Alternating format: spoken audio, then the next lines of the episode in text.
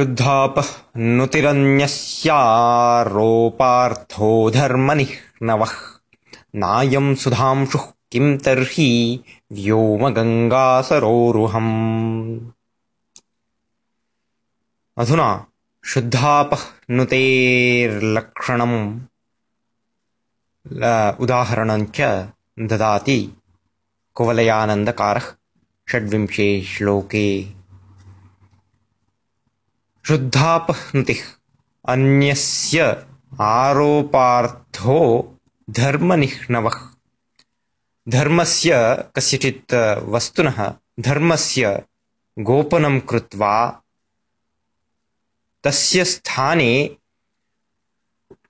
अन्यस्य आरोपः भवति शुद्धापहृतौ इति लक्षणं वदति। अत्र उदाहरणं नायं सुधांशुः किं तर्हि व्योमगङ्गासरोरुहम्। चन्द्रो नास्त्ययम् किं तर्हि व्योमगङ्गासरोरुहम् व्योमगङ्गापद्मपुष्पम् इति उदाहरणं दर्शयति।